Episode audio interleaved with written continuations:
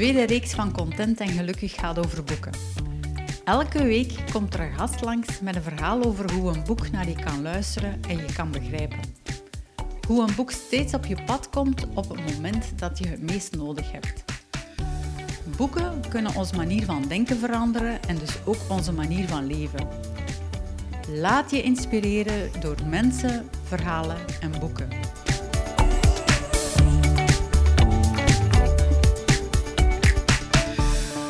Brigitte, ik ben heel blij dat je mij uitgenodigd hebt in uw boekenkast. Want we zitten hier in een heel mooi kantoor en ik zie heel veel boeken.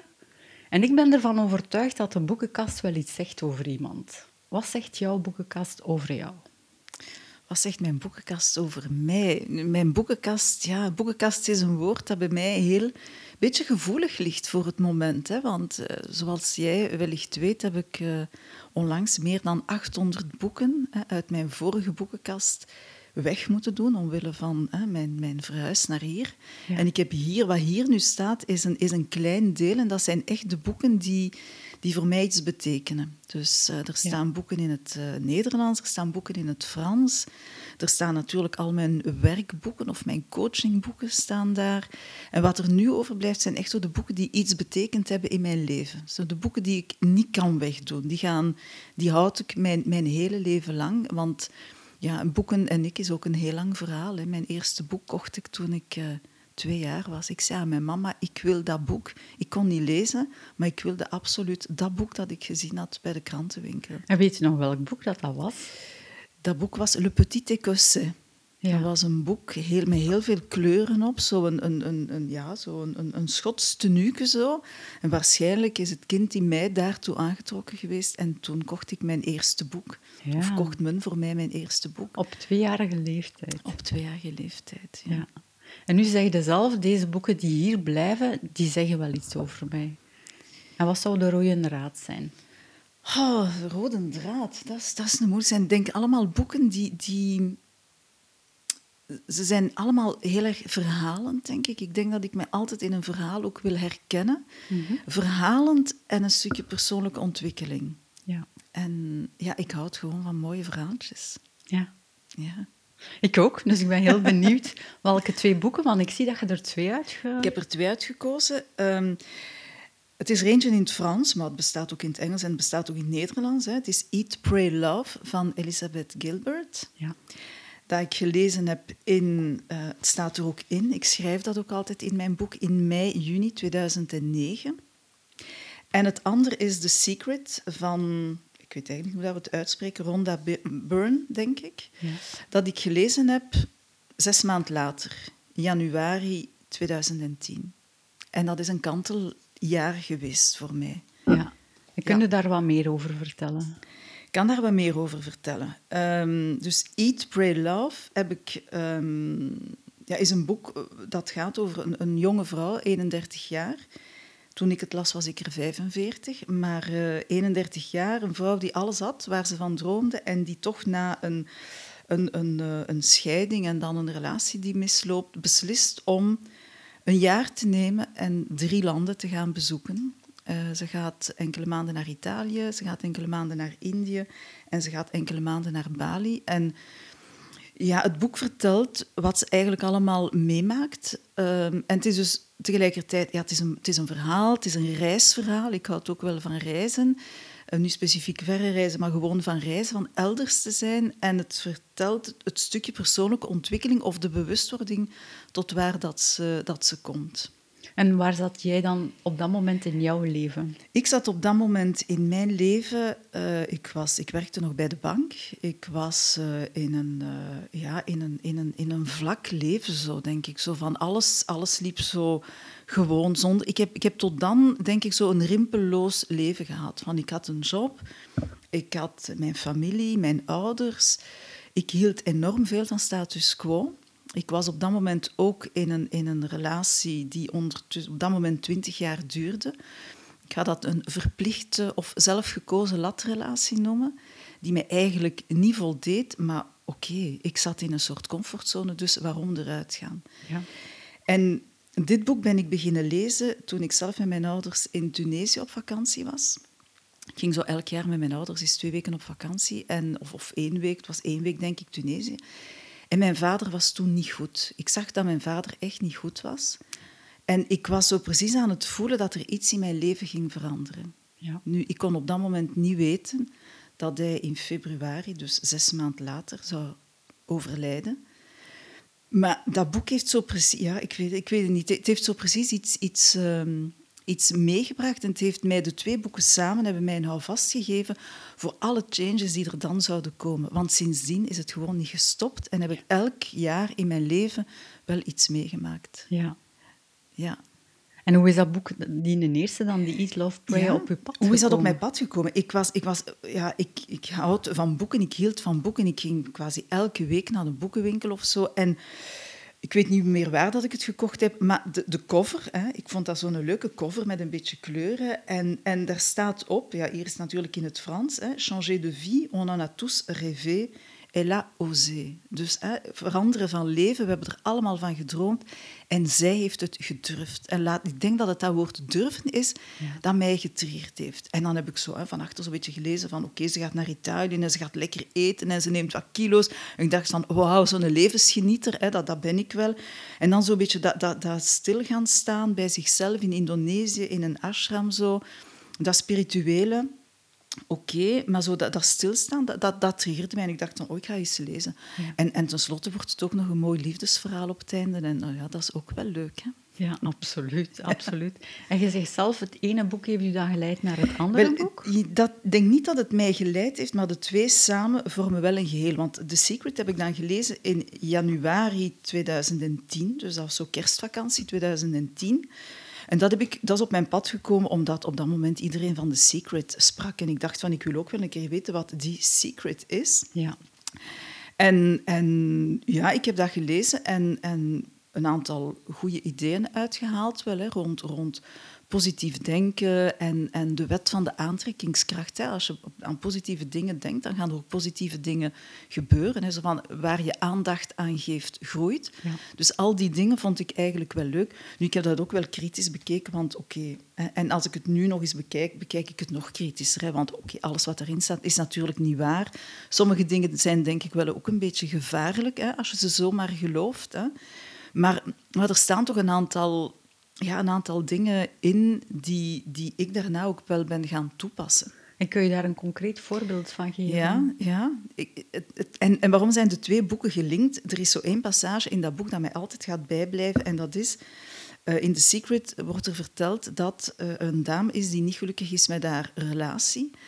En die op een bepaald moment stilstaat bij, ja, hoe leef ik eigenlijk? De dame leeft alleen en ze ziet uh, dat ze haar auto parkeert op de tussen de twee parkeerplaatsen uh, voor haar thuis, zodanig dat ze geen plaats laat aan een andere auto.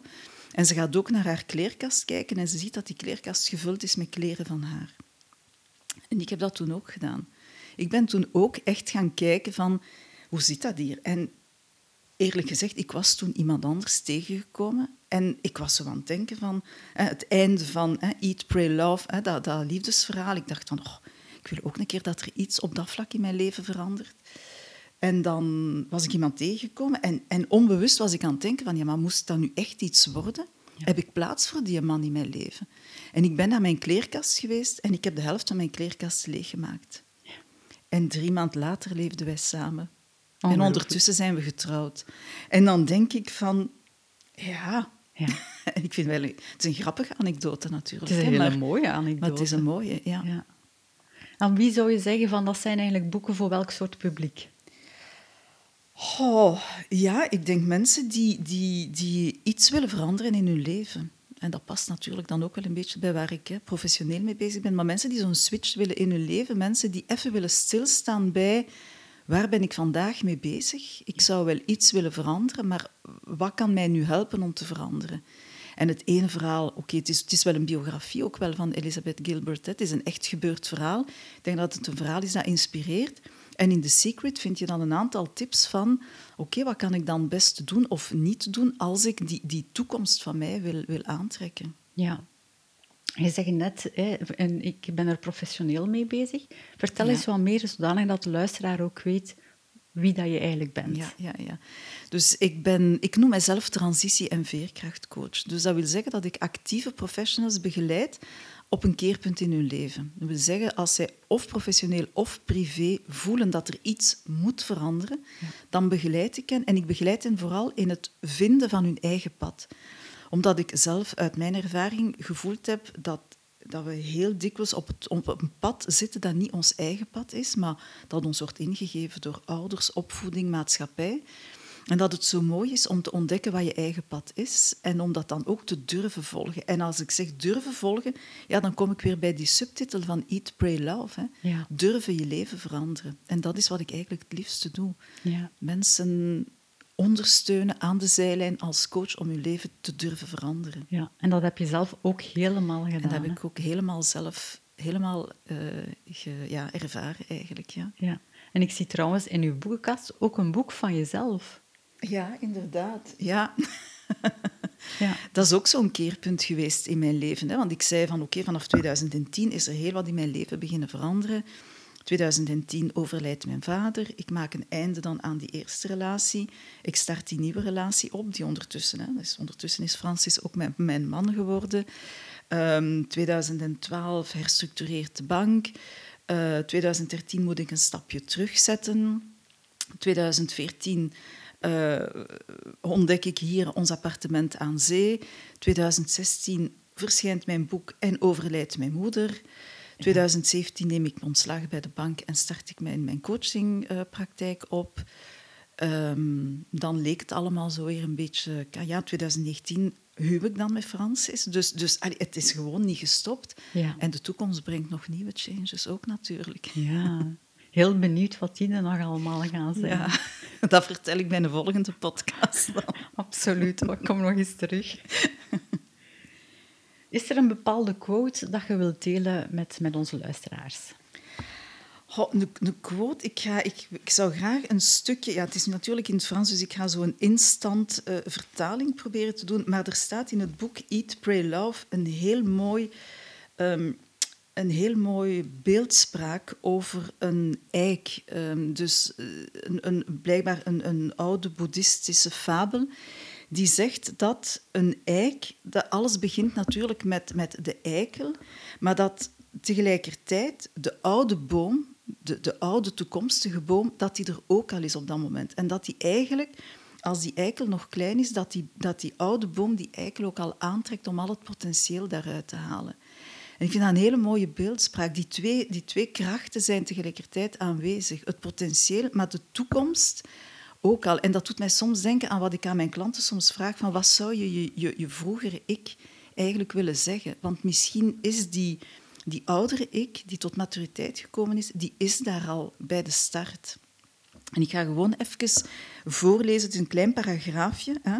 Maar dus de schrijfster zegt van... Ik denk aan de vrouw die ik geworden ben de laatste tijd en aan het leven dat vandaag het mijne is. En het feit dat ik dat leven ook altijd vurig heb gewild en ook vurig die persoon heb willen zijn. Helemaal vrij van alle maskers, van alle voorstellingen en van alle doen alsof. Dus dat gaat echt over het echt jezelf worden, jezelf in al jouw authenticiteit.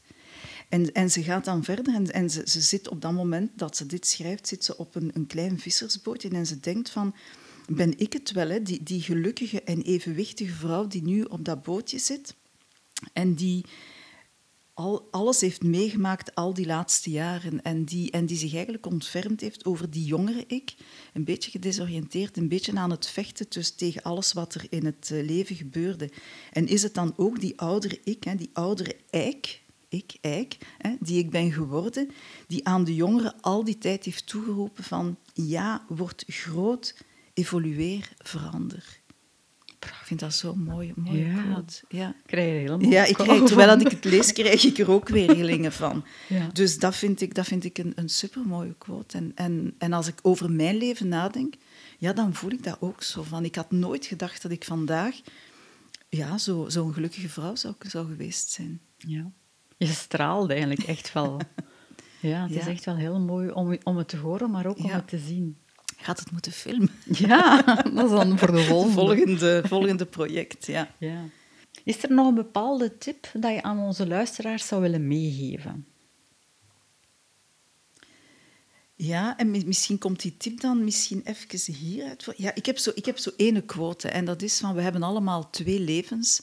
Het tweede begint de dag dat je beseft dat je er maar één hebt. Ja, dat, is echt mijn mantra, dat is mijn quote. Die staat ook overal op mijn website, op mijn visitekaartjes. En dat is echt waar ik in geloof. En als je dat in de korte versie wilt, dat is het leven is nu. Life is now. Dus doe het gewoon. Als je iets wilt veranderen in je leven, doe dat gewoon. Ja. Dat is ook een mooi boekje, hè? Ja, absoluut. Ja, ja, ja, ja. Hoe maak jij tijd vrij, Brigitte, om te lezen? Is dat op vakantie of is dat eigenlijk het hele jaar door? Ja, ik ben verslaafd aan lezen, dus ik, er kan geen dag doorgaan zonder dat ik lees. Ik neem elke dag tijd om even te lezen. En dat is zeker het laatste half uur in mijn bed. Dat is sowieso. Dus ik, ik kom naar boven, ik lees nog een kwartier, een half uur. Hangt ervan af of ik, dat, dat ik nog energie heb ervoor. Maar meestal is het al tevoren in de zetel begonnen. Terwijl dat, hè, mijn man een of andere film aan het kijken is, dan ga ik gewoon mijn boek erbij nemen en ik ga lezen. Dat zijn zo de twee vaste momenten dat ik, uh, dat ik lees. En verder, ja, als het mooi weer is, dan zit ik heel graag in de zon met een boek. Uh, of, of zelfs ja, beneden in de zetel, ook zo, hè, zo warme da koudere dagen met een, warm dekentje over mij en een goed boek. Dat vind ik zalig. Maar ik, ik moet gewoon elke dag lezen. En op vakantie natuurlijk nog meer. En ik, ja. uh, dat is zo, bij mij komen eerst de boeken zo in de, in de fond van mijn valies. En dan, en dan de rest. Maar ondertussen ben ik ook wel overgestapt op een e-reader. En dus nu heb ik al mijn boeken en mijn bibliotheek mee uh, op vakantie. Want en hoe valt dat mee? Want dat zal ja, waarschijnlijk een andere is, manier... Ja, dat is toch een... een um, die een e-reader, ik heb heel lang getwijfeld. Hè, maar ja, mijn, mijn traumatiserende ervaring met mijn 800 boeken heeft gemaakt dat ik dacht van, dit wil ik echt niet meer meemaken. Ja.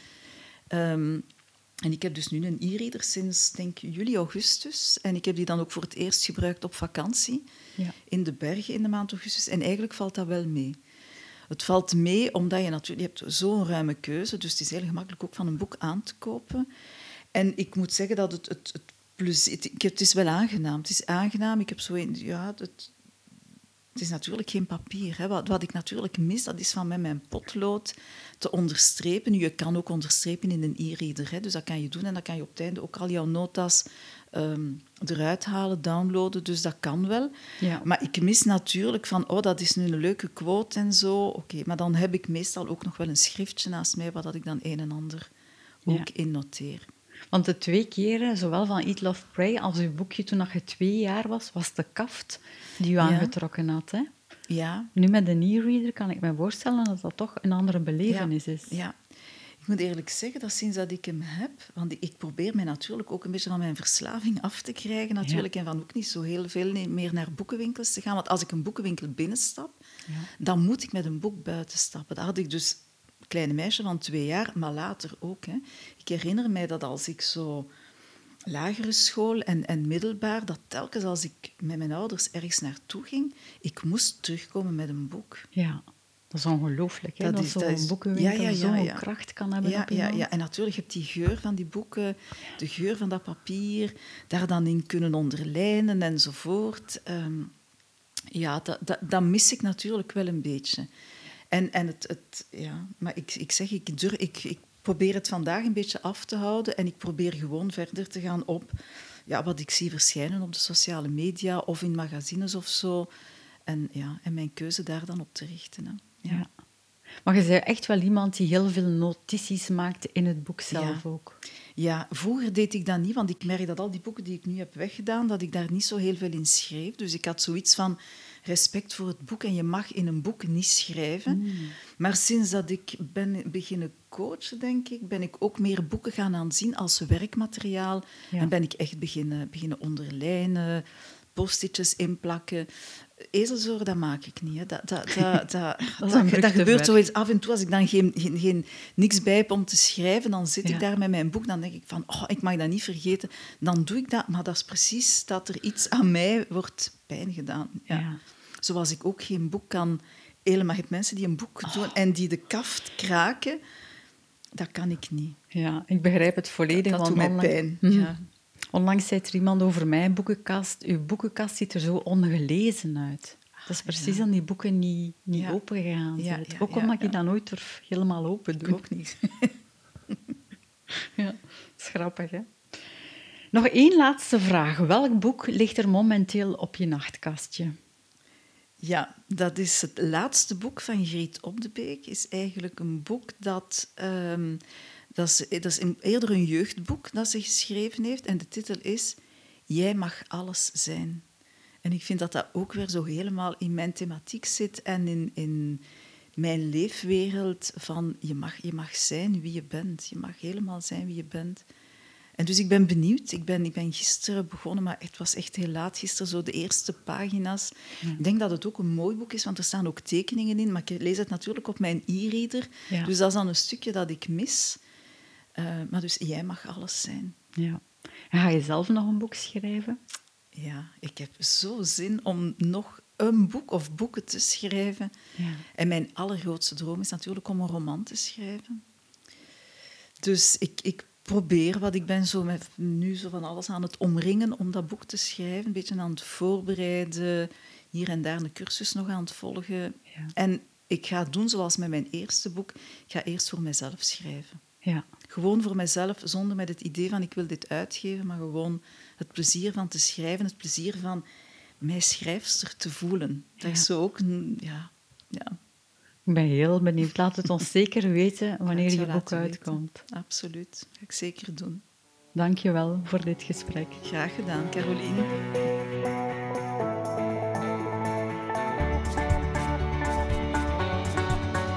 Ben jij ook nieuwsgierig naar verhalen van andere mensen? Luister naar alle afleveringen en volg me op Instagram Caroline Damai Coaching.